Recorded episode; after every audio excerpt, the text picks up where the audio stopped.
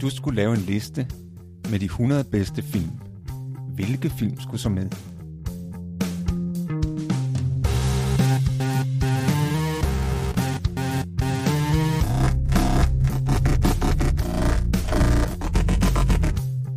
Hej, jeg hedder Morten. Og jeg hedder Thomas. Lyt med, når vi taler om vores liste med de 100 bedste film.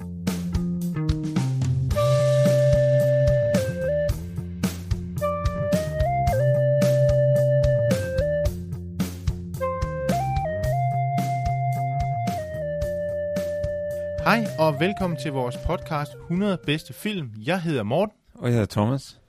I dag er vi kommet til film nummer 23 på vores liste over de 100 bedste film. Den film, vi skal snakke om i dag, er Once Upon a Time in the West. Den er fra 1968, og den er instrueret af Sergio Leone.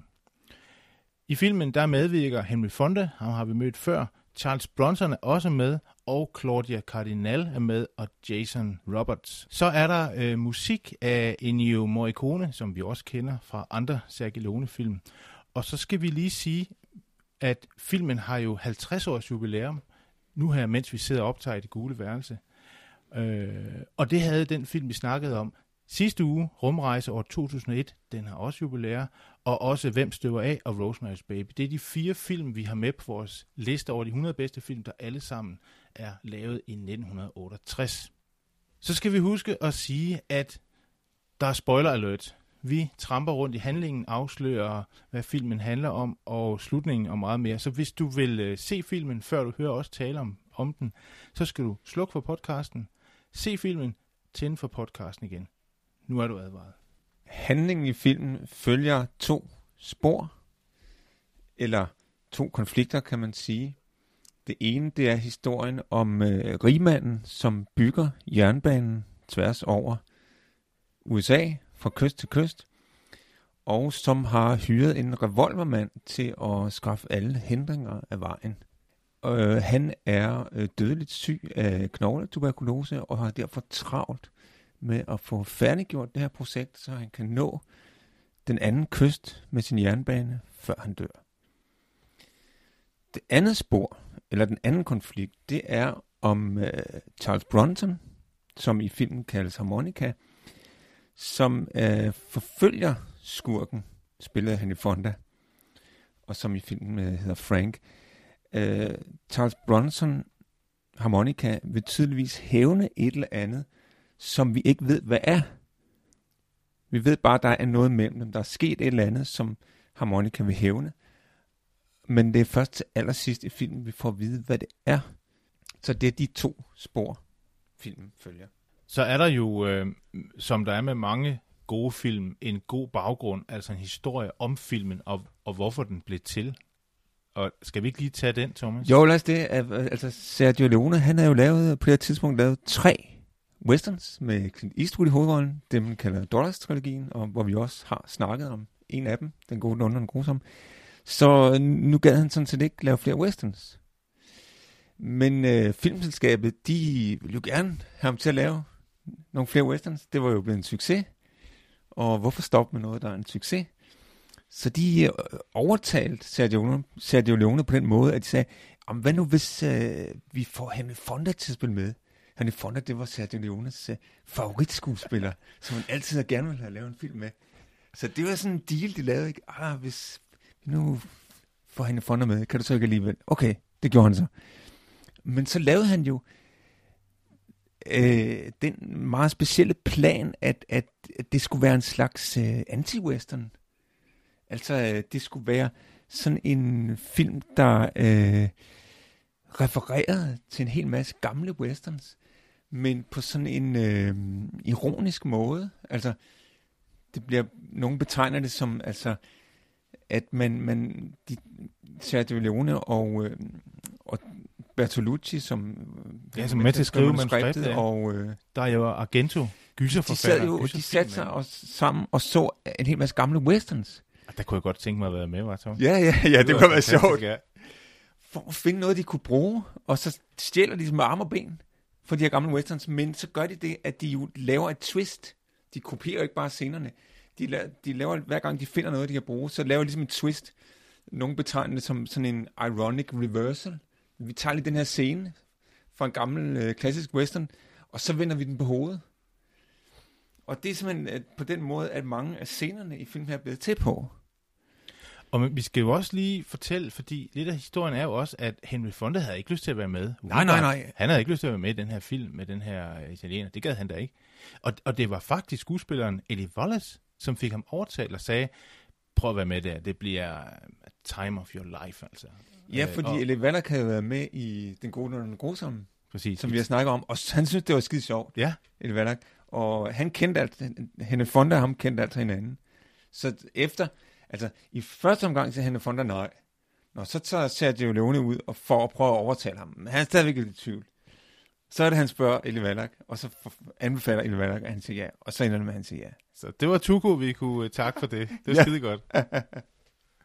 Men, men så da han så kommer op på sættet, Henry Fonda, så møder han jo op. Han møder jo op med et stort skæg, og så har han sådan nogle mørke øh, kontaktlinser på, fordi han tænker, Ja, altså Det det, skal det, jeg det, jo, det, øh, det var spille sp- specielt for hende Fonda, og pludselig skulle spille en skurkerolle.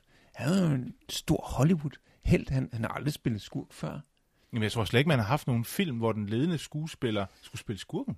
Nej, Det præcis. helt øh, præcis, nyt øh, koncept. præcis. Altså man, altså, man kan godt opfatte hende Fonda som hovedrolle indhaver, til der er nogen, sådan nogen, der opfatter det i hvert fald ikke. Altså, det er i sig selv usædvanligt. Og det er så også usædvanligt, at hende Fonda pludselig skulle spille skurk. Og det er jo helt bevidst, at Sergio Leone, det er igen et af de der twist, eller reversals, ikke? Når vi tager sgu uh, Hanne Fonda, der, som alle kender som stor westernheld, han skal spille skurken. Og ikke bare, altså også, også en virkelig slem skurk, ikke? Virkelig badass. Virkelig badass. Og vi kender jo godt Henry Fonda, for vi har jo snakket om ham i den film, vi havde på, der hedder 12 vrede mænd, hvor yes. han spiller et retslokale. Den var jo desværre i sort-hvid, så vi kunne ikke se, jeg tror også, vi snakkede om den gang, vi kunne ikke se hans isblå øjne. Og det var jo dem, som uh, Sergio Leone ville have fat i, de der isblå øjne og helt glat barberet. Sådan en, en, en, en sympatisk, umiddelbart, u- sympatisk skurk. Ja. Og der, og der, altså, hvis man ser på øh, den rolle, han i Fonda spiller, jeg kom faktisk til at tænke på uh, Richard den 3. Endnu en skurk. Endnu en skurk, Ja. som vi jo også tidligere har talt om her, ikke? Også, også en superskurk. bestemt. Shakespeare's superskurk, ikke? Ja. Og, der, og jeg, faktisk, da jeg, da jeg genså uh, Once Upon a Time in the West, øh, og tænkte over Henry Fondas rolle, der kom jeg til at tænke på hende, uh, hende, uh, Richard den 3. Af tre grunde, vil jeg sige, og, og den ene, det er netop, som du sagde, det er usædvanligt at se, at uh, hovedrolleindhaveren er skurken. Ja. Og det er han på en måde Det er her, ikke? ja. Han, det er jo ham, der er stjernen, ikke? Ja, ja. og som ja. alle kender, øh, spiller skurken, ikke? Og så er der også det ved, at han er jo totalt hensynsløs, ligesom Richard den 3. dræber alle, der står i vejen, inklusive et lille barn. Ja, for de spørger ham jo i scenen, hvor vi Ja, ser præcis. McBaines bliver skudt ned. Der er der jo en lille dreng tilbage, så siger en Ja. af skurkene, hvad Frank, hvad skal vi gøre med ham? Og så siger Frank, ja, siden du nu har sagt mit navn. Ja, ja, og, ja, ja så, så, og så kan, det er jo sådan en sadisme, han er sadist, ikke? Og sådan, så, så nu, øh, han jo nok skudt ham alligevel, ikke? Men nu synes han bare, at det er lidt sjovt at, sådan, at ligesom give ham der skylden. Der, der er en af hans folk, der ikke har det Præcis. godt med at skyde et lille barn. Intimiderer ham. Så gør det bare endnu Ja, sjovere, ja. hvis man kan intimidere ham og sige, ja, men nu er det jo sådan set din skyld at skyde ham. Det er din skyld, Ej, drengen det, døde. Ja. det gør det bare endnu sjovere, ikke? Ja. Øhm, men det der, den der total hensynsløs, hensynsløshed, ikke? Hvor, hvor øh, han bare dræber alle, øh, inklusive nogle små børn. Det gør han Rikard den tredje også. Ikke? Og en tredje grund, det er, at der er sådan en slags forførelsesscene, skråstreg voldtægtsscene, hvor det er usædvanligt for, i en Sergio Leone-film. Der er normalt aldrig noget sex. Det er der så her, men det er naturligvis på en grim og ubehagelig måde. ja, det er meget ubehageligt. Ja, det er hvor, det faktisk. hvor, fordi det er jo den her familie, historien er jo den her familie, som, som hvor øh, Henry Fonda, det er der, hvor de skyder lille dreng, det er i forbindelse med, at den her familie skal rydde af vejen, fordi deres bolig ligger i vejen for jernbanen. Så som det, den dræber han bare sammen med sine mænd. Ikke? Men så sker der det, at øh, der kommer en øh, Claudia Cardinal, har lige giftet sig med manden og ankommer bagefter og, og, og overtager så ejendommen. Nu er ejendommen hendes. Jamen, så er de også nødt til at skyde hende. Præcis. Ja. Ja. Men den, den, Hvis de øh, kan skyde fire, kan de også skyde fem, Præcis, som det bliver som- sagt i filmen, ikke? Og så er det jo, at øh, det mislykkes i første omgang at få hende skudt, men så tager Henry Fonda selv ud for at klare det. Nå, det må jeg klare selv. Ikke? Og så finder han ud af, at det er jo sådan en meget smuk øh, dame, tidligere prostitueret. Ja, Eller- fra New Orleans. Ja, øh, som han jo føler sig tiltrukket af. Og så tænker han, ej, men øh, det ender med, at han har sex med hende. Eller han, i stedet for at dræbe hende, så har han sex med hende. Og, og det er jo sådan en meget mærkelig og også ubehagelig scene, hvor, hvor det er svært at tolke, om egentlig, jamen, hvad skal vi kalde det? Er det en forførelse? Altså hun gør det jo i gåsøjne frivilligt, men hun gør det for at redde sit liv. Hun ved godt, at han kommer for at skyde hende. Og han, der, han siger rent ud, jamen ja, det er jo mig, der har myrdet din mand. Ja, det er meget ubehagelig I det, scene. i det han, han Meget ubehagelig i scene. gang med at forføre hende, Præcis, ja. siger han, Nå, men du kan nok godt lide at mærke en mands hænder på din krop, også selvom det var ham, der myrdede din mand. Meget, øh, meget ydmygende. Men, Præcis. men hun har jo den holdning, at øh, der er ikke noget, som et bad kan gøre. Altså hun kan Præcis. simpelthen har, kan vaske de der ubehageligheder af, og har, og har brugt den, den teknik, eller den mentale måde at, at kapere de her ydmygelser på, som hun jo sikkert også har oplevet i, i horhuset i New Orleans. Øh, og, og det gør simpelthen, at hun, jamen altså, øh, I gør, hvad I vil, jeg vasker det bare af bagefter. I ja. Kan ikke komme ind og røre min sjæl. Altså, det er Ja. ligesom hendes udgangspunkt. Øhm, så, så, øh, så man kan sige, hun, hun er jo, hun er jo en, en, der... Hvis hun ikke har ben i næsen, da hun kommer, så får hun det, da, da netop Cheyenne og, og Harmonica ligesom bakker hende op. ja, for de redder hende jo i første omgang. Ja, det gør de. Altså, det gør hvor Henry Fonda sender nogle mænd ud for at skyde hende. Og der, øh, dem skyder harmonika så. Ja. Øhm, og så er det, han tager ud for selv at rundt, ikke? Og, men, men den der forførelsesteknik, den bruger Richard den tredje jo også. Han, han dræber en mand, og så møder han op til begravelsen for at forføre enken. Ja, præcis. Så, så det er, ja, det er meget øh, Den, den, hvis du ikke har hørt det, det, det afsnit om Richard den 3., så, så gå lige ind og gør det, fordi det er en fantastisk film, og, øh, og, og vi har en god snak om den. Det var bare lidt reklame. Det har vi ikke, øh, det har vi ikke dyrket så meget. Men, man må godt referere, i, Det i det her gerne. program må, må vi godt referere til nogle tidligere programmer. ja, det må vi godt. Der er ikke noget med rettigheder, fordi dem har Nej, vi selv. ja, tror dem jeg. har vi selv. Så er der jo, som du sagde, Thomas, øh, den her film er fuld spækket med referencer til andre westerns. Og øh, det er rigtig mange. Og vi snakker om lige før vi gik på, at det kunne faktisk være spændende at lave altså en hel podcast, hvor man tog fat i alle de referencer og snakker om en masse gamle klassisk western. Men, øh, men, men kan vi ikke bare nævne bare, bare en håndfuld? Jamen, det er jo blandt andet to af de westerns, som, Som vi har, talt, om, ja. som Ja. vi har talt om tidligere. Ja, lad os, lad os da starte med dem. Lad os starte med dem. Der er jo reference til High Noon. Ja. Fordi filmen her starter med, at vi ser tre mænd, der venter på et tog. Præcis. I High Noon er der også tre mænd, også der tre venter mænd. på et tog. Og skurken hedder jo også Frank. Ja, præcis. Frank kommer ind med toget. Det, det er jo det samme Ja, navn, fuldstændig ikke? rigtigt. Skurken hedder Frank, ligesom Ja, i High ja, Noon. ja. Yes, det ja. Så er der jo The Man Who Shot Liberty Valance, Yes, som vi tidligere har talt om. filmen med en stor bøf. Præcis. Øh, fordi at øh, skurkene i den her film øh, har sådan nogle øh, lange støvfrakker på, man kalder dusters. Og det har jo Liberty Valance og hans bande, de har også Ja, det har præcis som Det har. Og, og der er der jo også den her replik, pick it up. Pick it up, ja. Det, det er der nok i mange westerns. Det er der i mange westerns. Men det er der også i den. Yes. Pick it up. Øh, så skal jeg lige sige, at filmen blev, og øh, det er igen med de her dusters, altså filmen blev en kæmpe succes i, i for eksempel i Frankrig, eller i hvert fald i Frankrig. Øh, der er en anekdote, der, der fortæller, at, at i to år var der en biograf i Paris, der, der spillede den hele tiden. Og det gjorde ham, øh, der skulle sætte filmen på, øh, han, han, han synes ikke, det var specielt fedt, fordi han kunne ikke rigtig lide filmen. Den havde sådan langsomt langsomhed over sig. Det kan vi godt lide, men, men at det kunne dem, der så filmen, også godt lide. Og det der med de der dusters, det blev simpelthen et, et modefænomen i den parisiske øh, øh, bybillede, at, at folk gik rundt med de der western dusters, fordi de elskede den her film. Så, så det er ret sejt, og de er også ret seje, de der. De er ret seje. Ja. Det er jo, det er jo, altså, det er jo både, altså vi har jo to banditter. Der er den gode bandit, som, som øh, ham skal vi også lige nævne, øh, som kalder sig Cheyenne, og som spilles af Jason Roberts, som har en bande. Øh, han er en bandit, men han er ligesom en god bandit, og han udvikler et venskab med harmonika. Og så er der den, og de har de her støvfrakker. Ja, det er dem, der går med dem. Ja. Og så er der den, den ledbandit, den slemme bandit, som er Henry Fonda, og som også har en bande. Ja. Og som kopierer de her støvfrakker, ja det for gør at skyde skylden på, når han begår, øh, udrydder den her familie, så, plan, så skal det se ud som om, det er Tarienne og hans bande, der har gjort Præcis. det. Men det kan være, at vi skal nævne, der er jo, der er jo fem øh, roller i den her film. Ja. Øh, fem store øh, Yes. roller, som, som spiller en rolle, og som, som hvis interessekonflikter og interesser bliver blandet sammen, og, og nogen allierer Ja. sig med, med hinanden. Men lad os, sta- lad os starte med, øh, med, nu har vi snakket lidt om, om øh, øh, Claudia Cardinal. Øh, hun er en af dem. Hun er jo, øh, hun er jo øh, enke efter McBrain, som bliver skudt ret hurtigt i filmen. Hun er en af de store, og er jo den, der ligesom, hvad skal man sige, bærer, bærer igennem, fordi til sidst er det hende, der ligesom tager den her opgave på sig med at lave Sweetwater til et, øh, et godt sted, og går og, og kommer med mand til folk og lader tingene spire. Det er meget sjovt, du, du siger det der med, at det er hende, der bærer igennem, fordi at det tror jeg også at var Sergio Leones egen opfattelse. Man kan sige, at det er en film, der handler meget om døden, og hvor der er utrolig mange, der dør. Der er også, at hvis vi tager de her fem hovedroller, er der tror jeg også tre af dem, der dør. Ikke? Og Sergio Leone udtalte selv om den her film, at, at det, der var meningen med, med filmens, øh, altså rytmen i filmen og stemningen i filmen, det var at, at ligesom genskabe, det skulle ligesom vise øh, ligesom det sidste gisp, der kommer fra et menneske, før det dør.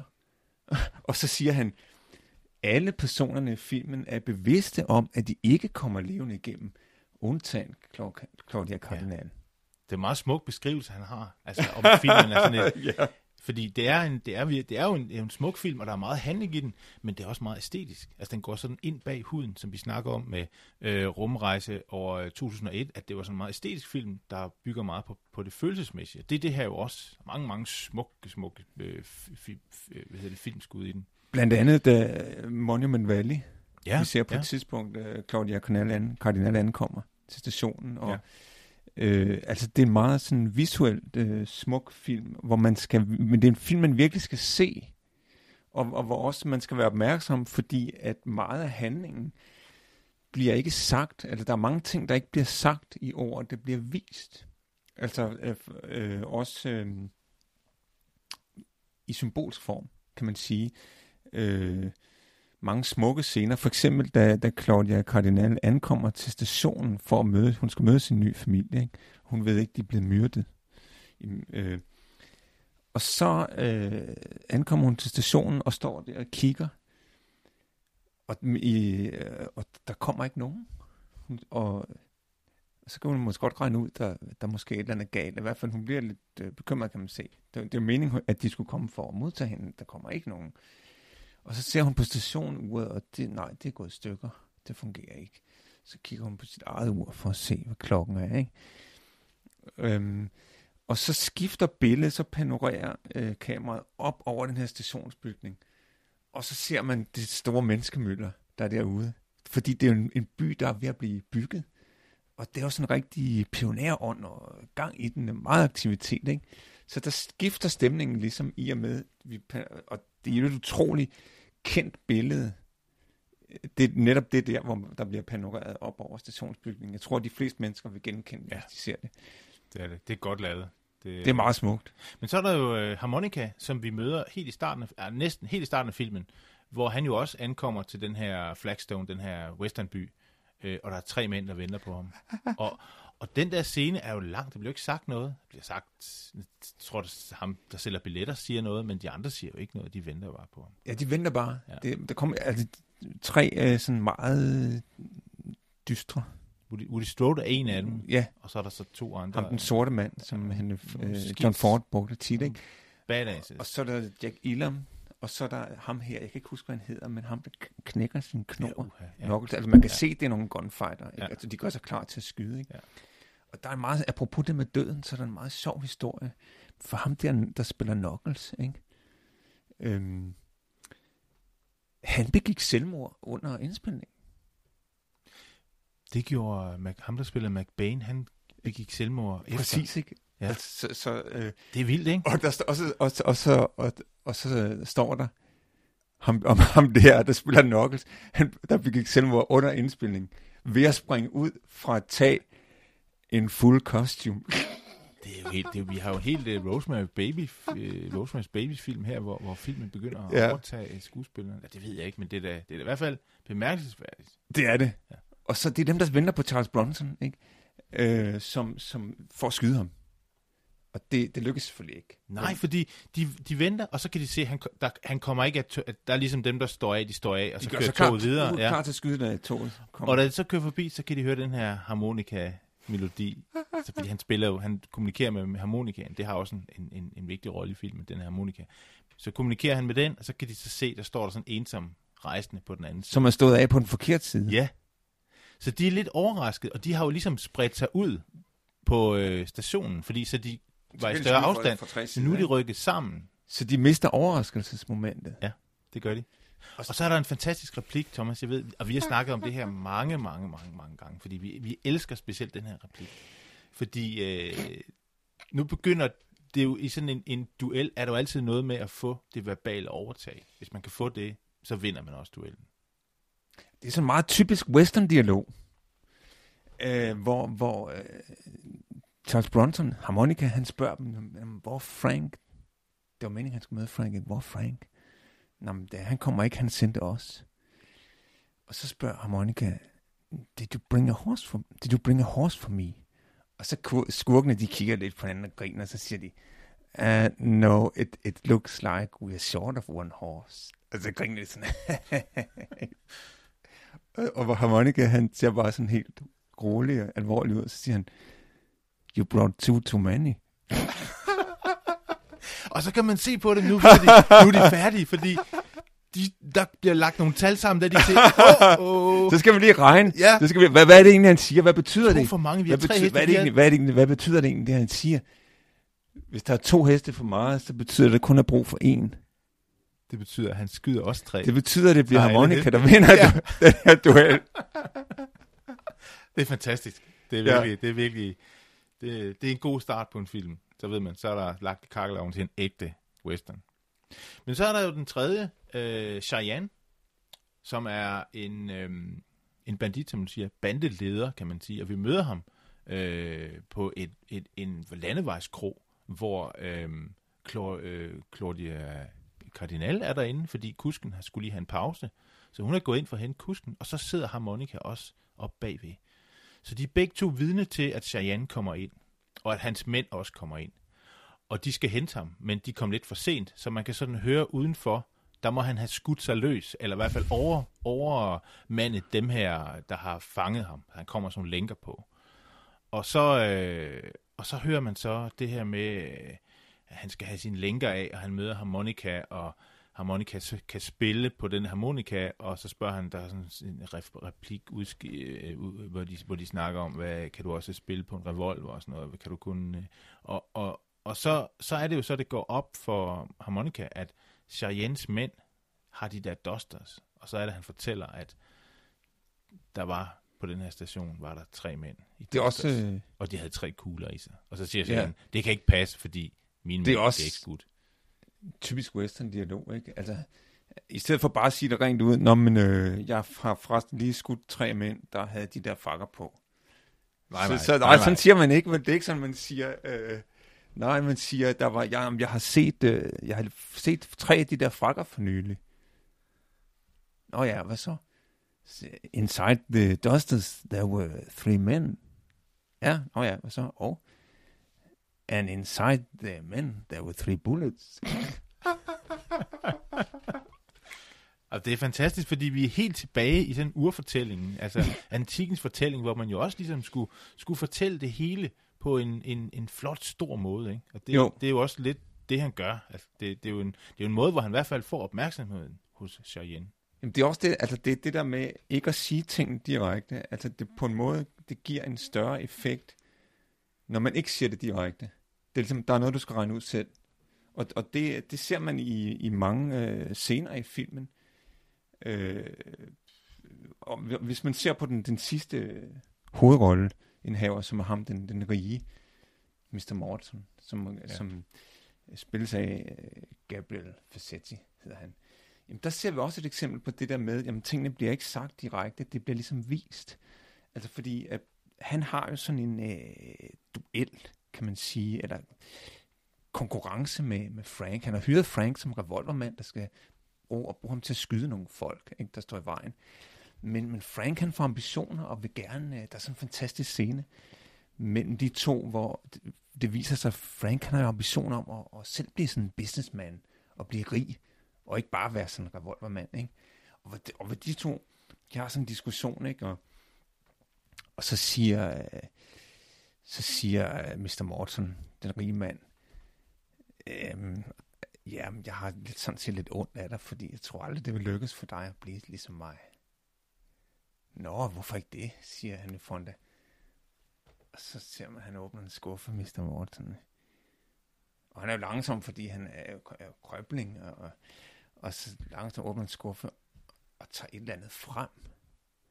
Og han i Fonda trækker sin revolver og vender sig om, ikke?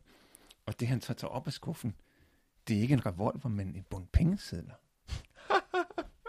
og så siger, så siger han, you see, Frank, there are many, there are many kinds of weapon.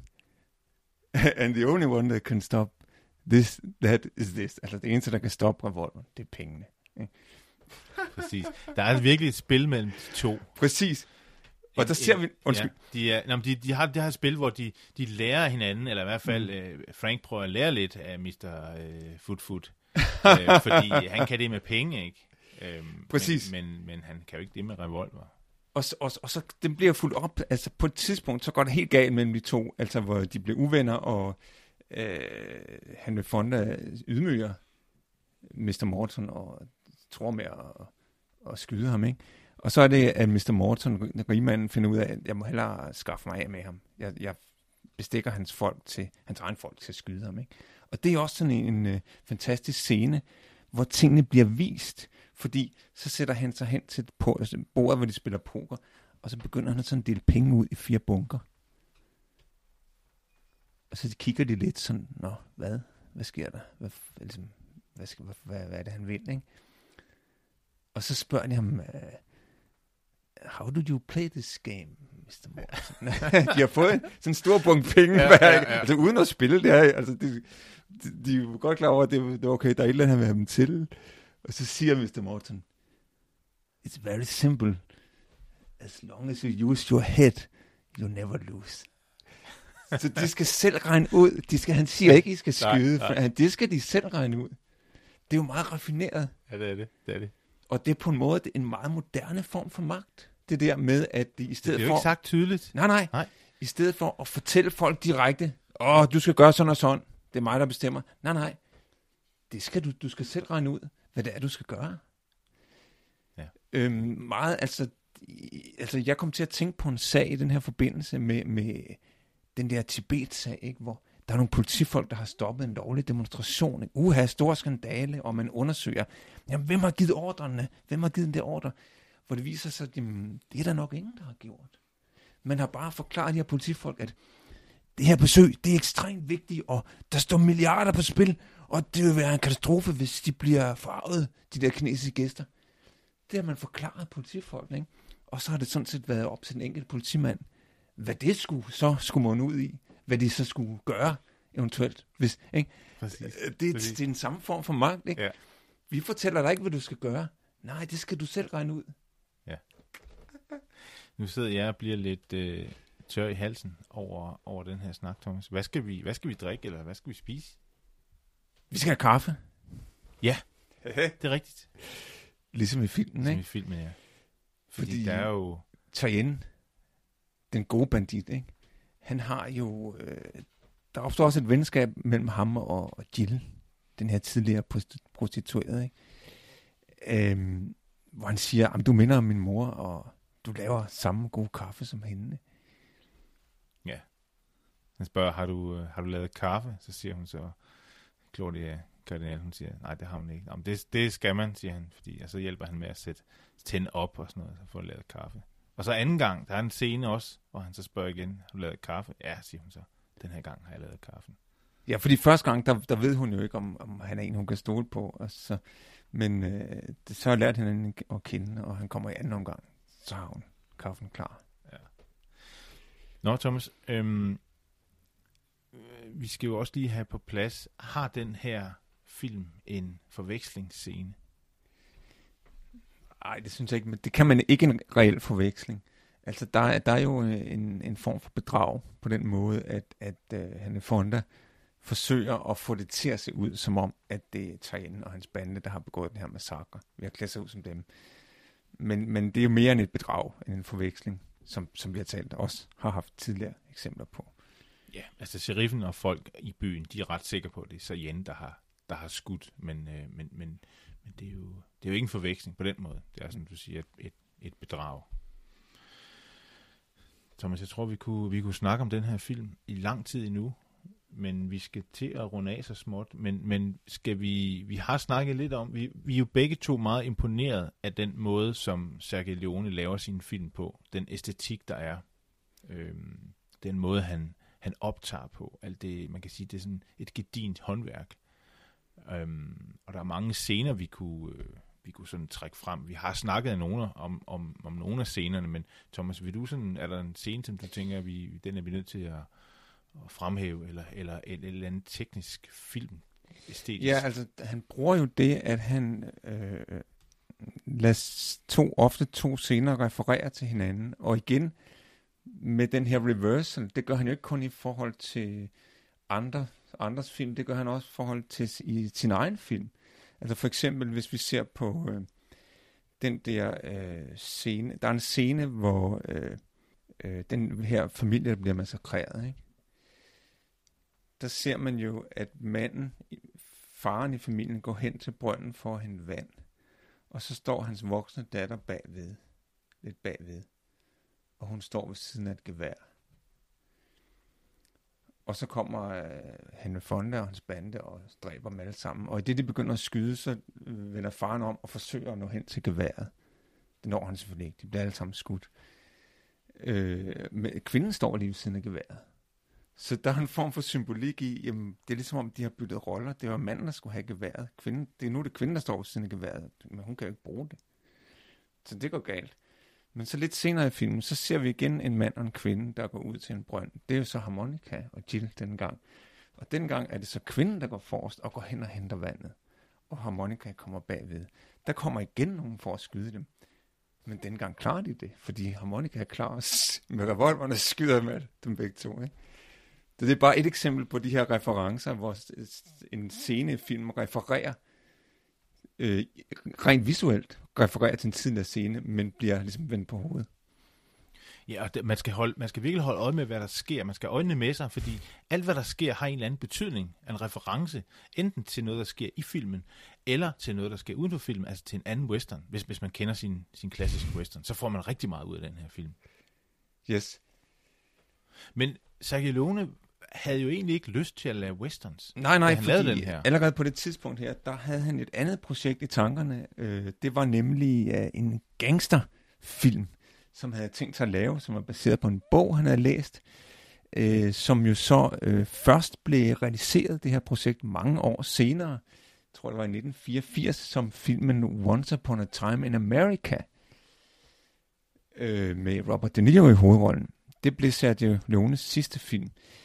Øh, jeg må indrømme, at jeg er ikke specielt vild med den film. Jeg synes ikke, den holder stilen i forhold til hans westerns, og jeg synes for eksempel, at, at den er præget af en stor kynisme, den film, så, som jeg ikke synes, hans westerns er. Jeg, jeg, jeg er ikke lige så glad for den film, som jeg er for hans westerns. Jeg kan meget godt lide filmen. Jeg synes, den er... Mm, der der er nogle scener i, som, som udtrykker det her kynisme. Der er sådan en voldtægtsscene, som er meget ubehagelig, og så, så synes jeg, at, at plottet er sådan lidt... Øh, Ja, det, det, der skal man lige... Det er lidt mærkeligt, men, men der er også nogle gode ting i den. Men den har vi jo ikke med på vores liste. Men vi har mange andre gode film. Det har vi. Vi synes jo, at du skal se den her Once Upon a Time in the West, hvis du ikke har set den. Hvis du mangler lige at se en god western, så, så snup den, for den er rigtig god. Rigtig god. Tak fordi du lyttede til vores podcast. Vi er tilbage i næste uge, hvor vi skal tale om filmen Easy Rider fra 1969 den er instrueret af Dennis Hopper, der også selv har en af hovedrollerne i filmen. Peter Fonda, som er Henry Fondas søn, har den anden hovedrolle, og så er Jack Nicholson også med. Vi ses. Vi ses.